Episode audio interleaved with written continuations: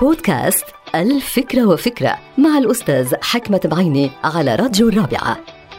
يبدو أنه فريق العمل في أي شركة أو مؤسسة يجب أن يأخذ بعين الاعتبار أنه من ركائز العمل الجماعي أنه يكون في ثقة متبادلة بين أعضاء الفريق الواحد. لذلك من المهم جدا على مدراء قسم الموارد البشرية أنه يتفهموا هذا الموضوع ويركزوا على عناصر هذه الثقة. ومن أهم العناصر الخاصة بالثقة المتبادلة ما بين أعضاء الفريق الواحد هو أنه يكون في صراحة تامة ما بينهم وما بين الموظف والمدير.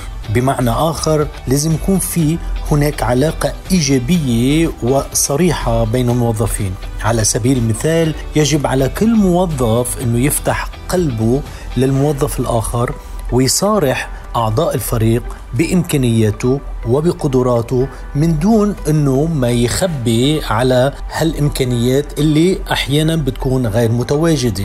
كلنا عنا مشاكل وكلنا عنا قدرات وكلنا عنا إمكانيات وأحيانا محدودة يجب على أعضاء الفريق الواحد أنه يتفهموا أخطاء الآخرين أنه يتعاملوا مع إمكانيات الآخرين المحدودة أحيانا يتفهموا الوضع ويصارحوا بعضهم. من أهم العوامل للعمل الجماعي المشترك أنه يكون في ثقة متبادلة بين أعضاء الفريق الواحد ولكن هذه الثقة ما ممكن تكون موجودة من دون الصراحة انتهت الفكرة. هذه الحلقة مقتبسة من كتاب الفكرة وفكرة.